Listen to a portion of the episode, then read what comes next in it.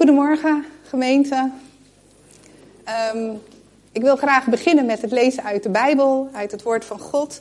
We gaan een heleboel lezen vanochtend, dus hou je Bijbel, hou je ehm, mobiel bij de hand. Ehm, maar ik wil beginnen met twee gedeeltes. Het eerste gedeelte uit uh, een klein stukje uit het leven van Jacob, want daar zijn we mee bezig. En een klein stukje uit het gedeelte van de verloren zoon.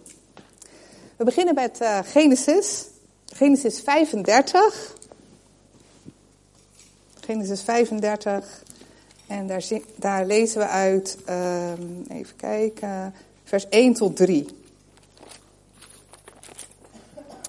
En daar staat. Daarna zei God tegen Jacob: Sta op, ga naar Bethel en ga daar wonen. En maak daar een altaar voor de God die aan u verschenen is toen u vluchtte voor uw broer Esau. Toen zei Jacob tegen zijn huisgezin en tegen alle die bij hem waren: Doe de vreemde goden die in uw midden zijn van u weg. Reinig u en verwissel uw kleren. Laten wij opstaan en naar Bethel gaan. Ik zal daar een altaar maken voor de God die mij antwoordde op de dag toen ik in nood was. En die met mij geweest is op de weg die ik gegaan ben. En dan het tweede gedeelte, dat staat in Lucas 15, het verhaal van de verloren zoon. Lucas 15, en daar lezen we uit vers 22 tot 24. Maar de vader zei tegen zijn knechten: Haal vlug het mooiste gewaad en trek het hem aan. Doe hem een ring aan zijn vinger en geef hem sandalen. Breng het gemeste kalf en slacht het. Laten we eten en feest vieren, want deze zoon van mij was dood en is weer tot leven gekomen. Hij was verloren en is teruggevonden. En ze begonnen feest te vieren.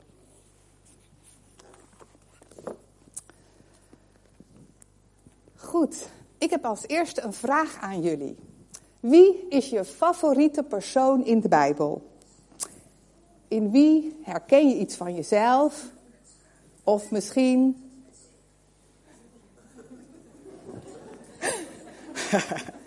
of misschien, um, op wie zou jij willen lijken?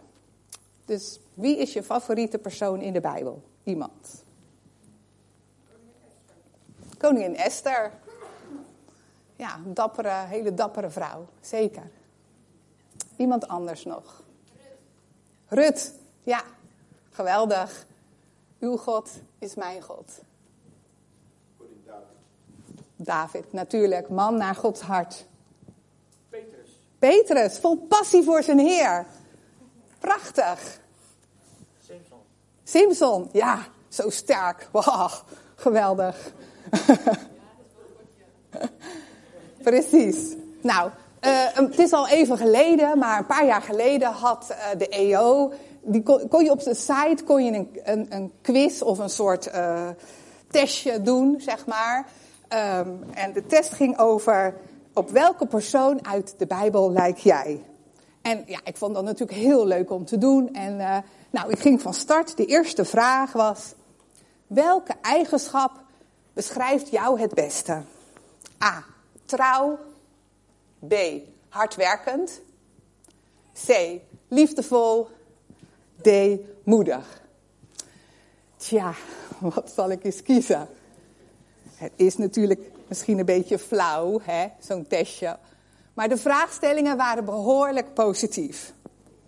En ik heb de test een paar keer ingevuld, maar ik ben niet op Jacob uitgekomen.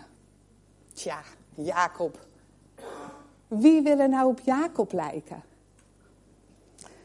En de afgelopen maanden hebben we als gemeente hebben we ons verdiept hè, in het leven van Jacob. En uh, onze voorganger Marco die heeft er een heel aantal keren over gesproken. En we hebben in de kringen er verder over nagedacht. En ik weet niet hoe, hoe, hoe jullie dat vinden, maar ik vind Jacob, tja, ik, ik vind het best ingewikkeld zijn leven. He, vooral ingewikkelde relaties. En het begint al in zijn jeugd met zijn ouders en zijn broer. En dan later in zijn gezin met Rachel en Lea. En dan ook nog eens in zijn werk met zijn oom Laban. Het is allemaal niet zo fraai met Jacob. En de Bijbel is er gewoon heel eerlijk over. Maar zou ik, zou jij op hem willen lijken? Hoe wonderlijk is het dan dat het in de psalmen heel vaak gaat over de God van Jacob. Neem Psalm 20, vers 1. Mogen de Heer u antwoorden in dagen van nood en de naam van Jacobs God u beschermen. Of wat dacht je van Psalm 84, vers 9? Heer, God van de hemelse machten, hoor mijn gebed. Luister naar mij, God van Jacob. Of wat dachten jullie van de bekende tekst uit Psalm 145, 146, vers 5, waar, waar Carline ook mee opende? Gelukkig is wie de God van Jacob tot zijn hulp heeft. Wie zijn hoop vestigt op de Heer, zijn God. Blijkbaar loopt er ook een andere lijn door het leven van Jacob. De lijn van een man die leert het niet te kunnen zonder zijn God.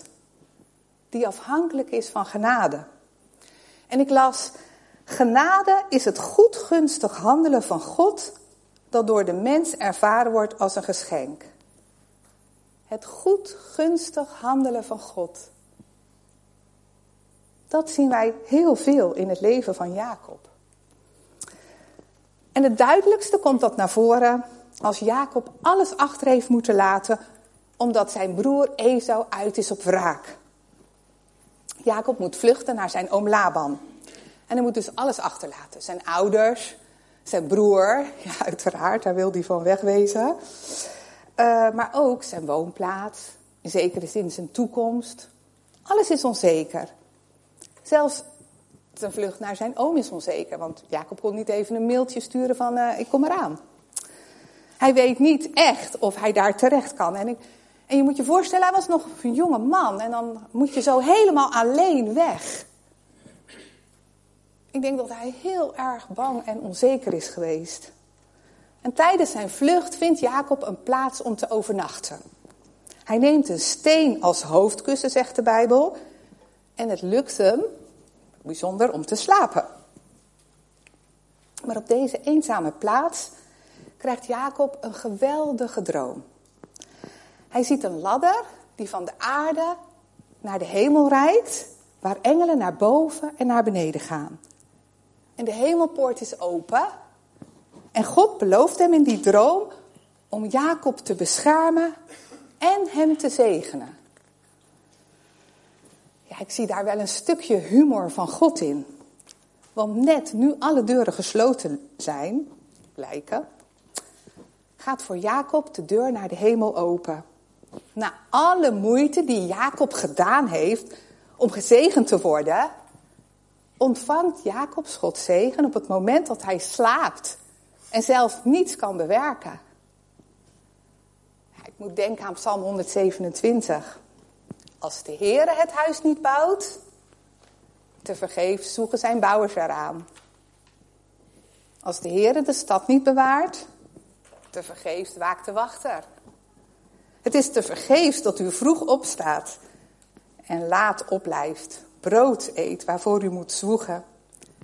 De Heer geeft het zijn beminde in de slaap. Prachtig, hè? Ik vind dat zo bemoedigend. Dat God ons wil zegenen, los van onze eigen inzet. Zodat het puur genade is en niet het loon van ons eigen werken. Nou, en die ladder die Jacob ziet in zijn droom, dat is het beeld van de Heer Jezus Christus. Jezus eigent zichzelf dit beeld toe in Johannes 1. Dat mag je even opzoeken als je dat wil in het Evangelie van Johannes. Johannes 1, aan het einde daarvan gaat hij in gesprek met Nathanael. Johannes 1 vanaf vers 48. Jezus zegt als hij Nathanael ziet, zie, werkelijk een Israëliet waarin geen bedrog is. Nathanael zei tegen hem, van waar kent u mij? Jezus antwoordde en zei tegen hem, voordat Filippus u riep, Toen u onder de vijgenboom was, zag ik u. Nathanael antwoordde en zei tegen hem, Rabbi, u bent de zoon van God. U bent de koning van Israël. Jezus antwoordde en zei tegen hem, omdat ik tegen u gezegd heb, ik zag u onder de vijgenboom, gelooft u? U zult grotere dingen zien dan deze. En hij zei, en Jezus zei tegen hem, voorwaar, voorwaar, ik zeg u allen, van nu af zult u de hemel geopend zien en de engelen van God opklimmen en neerdalen op de zoon des mensen. Jacob ziet in zijn droom dat Jezus de weg naar de hemel al vrij zou maken. En het is prachtig om te beseffen dat God in Genesis al spreekt over de Christus die komt. En de volgende ochtend als Jacob wakker wordt, dan zegt hij ook, hoe onzagwekkend is deze plaats. Dit is niets anders dan het huis van God en de poort van de hemel. En hij neemt die steen waar hij zijn hoofdkussen van had gemaakt en die zet hij overeind als een gedenkteken en hij giet er olie op. En hij geeft die plek ook een plaats. Uh, geeft die plek ook een naam, namelijk Bethel. En dat betekent huis van God. En de komende weken gaan we in de kringen nadenken over gedenken en vieren. En in de geschiedenis van Jacob zien we dat hij op allerlei belangrijke momenten in zijn leven een gedenksteen plaatst. Uh, om de plek die hij, waar hij iets bijzonders beleefd heeft, die wil hij in herinnering houden. Door er een steen neer te zetten. En we lezen wel vier keer dat Jacob dat doet. En elke keer vindt die oprichting plaats aan het slot van een episode van zijn leven. Want de tweede keer dat Jacob een steen opricht, is hij weer op de vlucht. Niet voor zijn broer dit keer, maar voor zijn oom Laban. Het loopt al een tijdje niet zo lekker tussen die twee. En de Heer spreekt tot Jacob. Hij zegt: Ik ben de God van Bethel. Staat in Genesis 31, vers 13. Ik ben de God van Bethel, waar u een gedenkteken gezalfd hebt, waar u mij een gelofte gedaan hebt. Wel nu, sta op, vertrek uit dit land en keer terug naar het land van uw familiekring. Maar ja, Jacob heeft inmiddels heel veel bezittingen vergaard. En ook nog eens de dochters van Laban en al zijn kleinkinderen. Ja, dat valt natuurlijk niet mee om tegen Laban dan te zeggen: Ja, ik ga weg. Dus Jacob wil die confrontatie niet aangaan en hij gaat er gewoon stiekem vandoor. Op het moment dat Laban er even niet is, omdat Laban druk is met het scheren van zijn schapen. Maar ja, natuurlijk krijgt Laban het te horen. En hij komt hem achterna. Maar God grijpt in. En hij zegt, doe Jacob geen kwaad. En als die twee elkaar ontmoeten, neemt Jacob weer een steen en die plaatst hij in hun midden als een gedenkteken. En daar spreken ze af, het is een, een, een plek, laten we hier afspreken elkaar geen kwaad te doen. En vervolgens schakelt Jacob zijn hele familie in en ze moeten allemaal stenen verzamelen. En die stenen leggen ze op een hoop. En daar bij die hoop kunnen ze dan afscheid van elkaar nemen en eten ze met elkaar. En die opgerichte steen en die steenhoop gelden als getuigen. En iedereen die daar langskomt, die hoort de stenen als het ware zeggen: Denk aan de belofte, de ander geen kwaad te doen. Maar ja, de problemen voor Jacob zijn nog niet voorbij, want ja, hij, hij gaat terug naar zijn, naar zijn familiekring. En dat betekent dat hij zijn broer Esau weer onder ogen moet zien te komen. En hij is ontzettend bang voor die confrontatie. Zeker als hij hoort dat zijn broer hem met 400 man tegemoet komt. Jacob denkt, dat kan niet waar zijn. En ze zeggen natuurlijk, nood leert bidden. En dat doet Jacob. Hij bidt een hartstochtelijk gebed. Red mij toch uit de hand van Esau, want ik ben bevreesd voor hem. U hebt mij toch beloofd in die droom om goed voor mij te zijn? En Jacob stuurt nog allemaal geschenken naar Esau om hem, om hem goed gunstig te stemmen. En dan wordt het nacht. Maar dit keer kan Jacob niet slapen. Hij maakt zijn vrouwen en zijn kinderen wakker en hij brengt ze naar de overkant van de rivier de Jabok, op, op een doorwaadbare plaats. En als zij veilig zijn, gaat hij terug. En dan gebeurt er iets bijzonders. En dat staat in Genesis 32. Genesis 32, vanaf vers 24.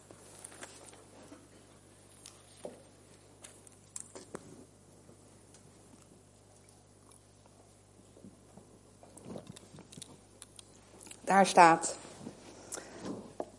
En een man worstelde met hem. Een man is met een hoofdletter geschreven. En een man worstelde met hem totdat de dageraad aanbrak. En toen de man zag dat hij hem niet kon overwinnen, raakte hij zijn heupgewricht aan, zodat het heupgewricht van Jacob ontwricht raakte toen hij met hem worstelde. En hij, de man, zei: Laat mij gaan, want het wordt al dag. Maar Jacob laat hem niet gaan. Ondanks de pijn die hij ongetwijfeld gehad moet hebben, klampt hij zich aan de man vast. En hij laat hem niet los. Ik laat u niet gaan voordat u mij zegent. U moet mij helpen. En ik vroeg me af, wanneer heb ik, wanneer heb jij voor het laatst zo gebeden? Ik ga het niet redden in mijn eentje. Ik heb er een puinhoop van gemaakt. Of wat me nu overkomt is te moeilijk. Ik ga het absoluut niet redden zonder u.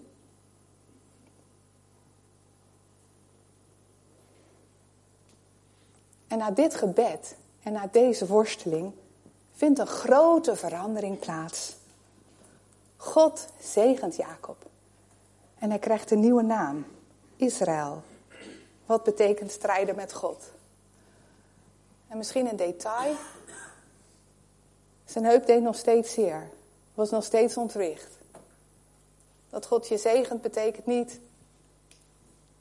dat alles vanzelf in orde komt.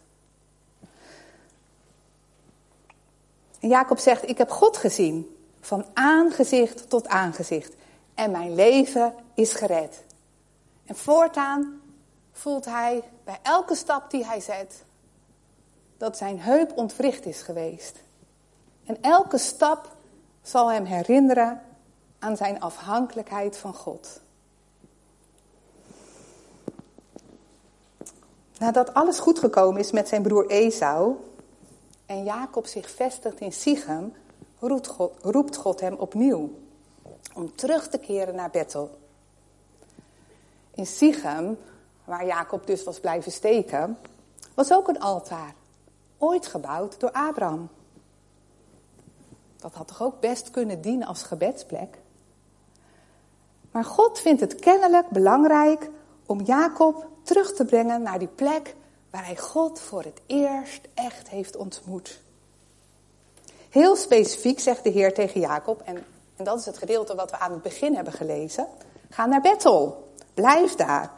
Bouw er een altaar voor de God die aan, daar aan jou verschenen is toen je op de vlucht was voor je broer Esau. En Jacob is veranderd. Hij ziet bij Bethel de steen die hem herinnert aan God. God die hem juist op die plek vond. Op een absoluut nulpunt in zijn leven. God die mij, zegt Jacob, op mijn hele reis terzijde heeft gestaan. En ik proef er een opdracht in voor ons. Om de Bethelmomenten en plaatsen te markeren. Niet te vergeten. Het zijn plaatsen die voor God kostbaar zijn. en hoe mooi is dat? Hoe bijzonder is dat? Dat God niet in het algemeen van ons houdt, maar heel specifiek betrokken wil zijn op onze weg. Op jouw weg, op mijn weg. En dat er op die weg altijd momenten zijn, plaatsen, waarop er iets wezenlijks is gebeurd tussen hem en mij, tussen hem en jou. In Bethel droomde Jacob over de ladder waar engelen naar beneden afdalen en weer omhoog klimmen. En Jezus zegt later tegen Nathanael, die ladder ben ik. En voor ons, wij kunnen dus weten dat het begint bij Jezus. Hij is de weg en de middelaar tussen God in de hemel en de mens op de aarde. En door Jezus is de hemel opengegaan om nooit meer gesloten te worden. En dan is denk ik de belangrijkste vraag in je leven. Heb jij die ontmoeting met Jezus al gehad? Besef je, begrijp je dat alleen door Jezus de weg naar de Vader vrij is? En als je daar nog nooit dat battlemoment hebt gehad, kom dan na afloop naar het gebedsteam, of naar mij, of naar iemand anders uit deze gemeente. En praat er met ons over. Want weet je, en voor ons allemaal geldt, als zulke plaatsen en momenten van ontmoeting met God in jouw leven zo kostbaar voor hem zijn, hoe bewust gaan wij dan om met onze battles? En dat is nou precies waar we in de kringen de komende weken over met elkaar willen over nadenken, met elkaar over willen praten. Reis eens terug in de tijd. Waar vind jij jouw gedenkstenen? En welk verhaal hoort daarbij? En heb je daar wel eens iets aan verteld? Aan de mensen die je dierbaar zijn? Of gewoon hier aan elkaar bij de koffie? Vraag het straks eens. Heb jij zo'n battle moment gehad? Wat gebeurde er toen tussen God en tussen jou? Want de kracht die bij Bethel vrijkomt, heeft ook te maken met het grotere plaatje. Jacob realiseert zich dat zijn leven geen aaneenschakeling is van allemaal losse momenten, waarop het iedere keer opnieuw moet gebeuren en God zich dus ook steeds opnieuw moet bewijzen. Ik denk dat dat heel belangrijk voor ons is om te onthouden. Bettelmomenten geven je zicht op het grotere plaatje. Jacob heeft het zicht gekregen. Hij bouwt een altaar, zo zegt hij, voor de God die naar mij heeft omgezien toen ik diep in de ellende zat. En die mij op mijn hele reis terzijde heeft gestaan. Op zijn hele reis was God erbij. Hij was er aan het begin. Hij is er vandaag. En hij zal er ook blijven tot aan de finish. Hoe geweldig is dat? Nou, om het verhaal nog even af te maken. Jacob heeft, als jullie goed geteld hebben, heb ik drie stenen genoemd. De vierde steen die hij plaatst, is op het graf van Rachel. Terwijl zij Benjamin krijgt, sterft zij. Dood en leven wisselen elkaar af. En deze gedenksteen, deze letterlijke gedenksteen, die kennen wij ook. Hè? Het is de steen die wij plaatsen op de plek waar onze geliefden begraven liggen. Maar in dat verdriet mogen we weten, de hemel is open. De steen van het graf is weggerold, want Jezus is opgestaan. Ja, de God van Jacob. Hij is de vader in het verhaal van de verloren zoon. Die op de uitkijk staat, op jou wacht. Die weet hoe vaak jij je eigen weg gaat. Hij is de God van genade. Hij is de God van onverdiende zegeningen. Gelukkig is wie de God van Jacob tot zijn hulp heeft. Amen.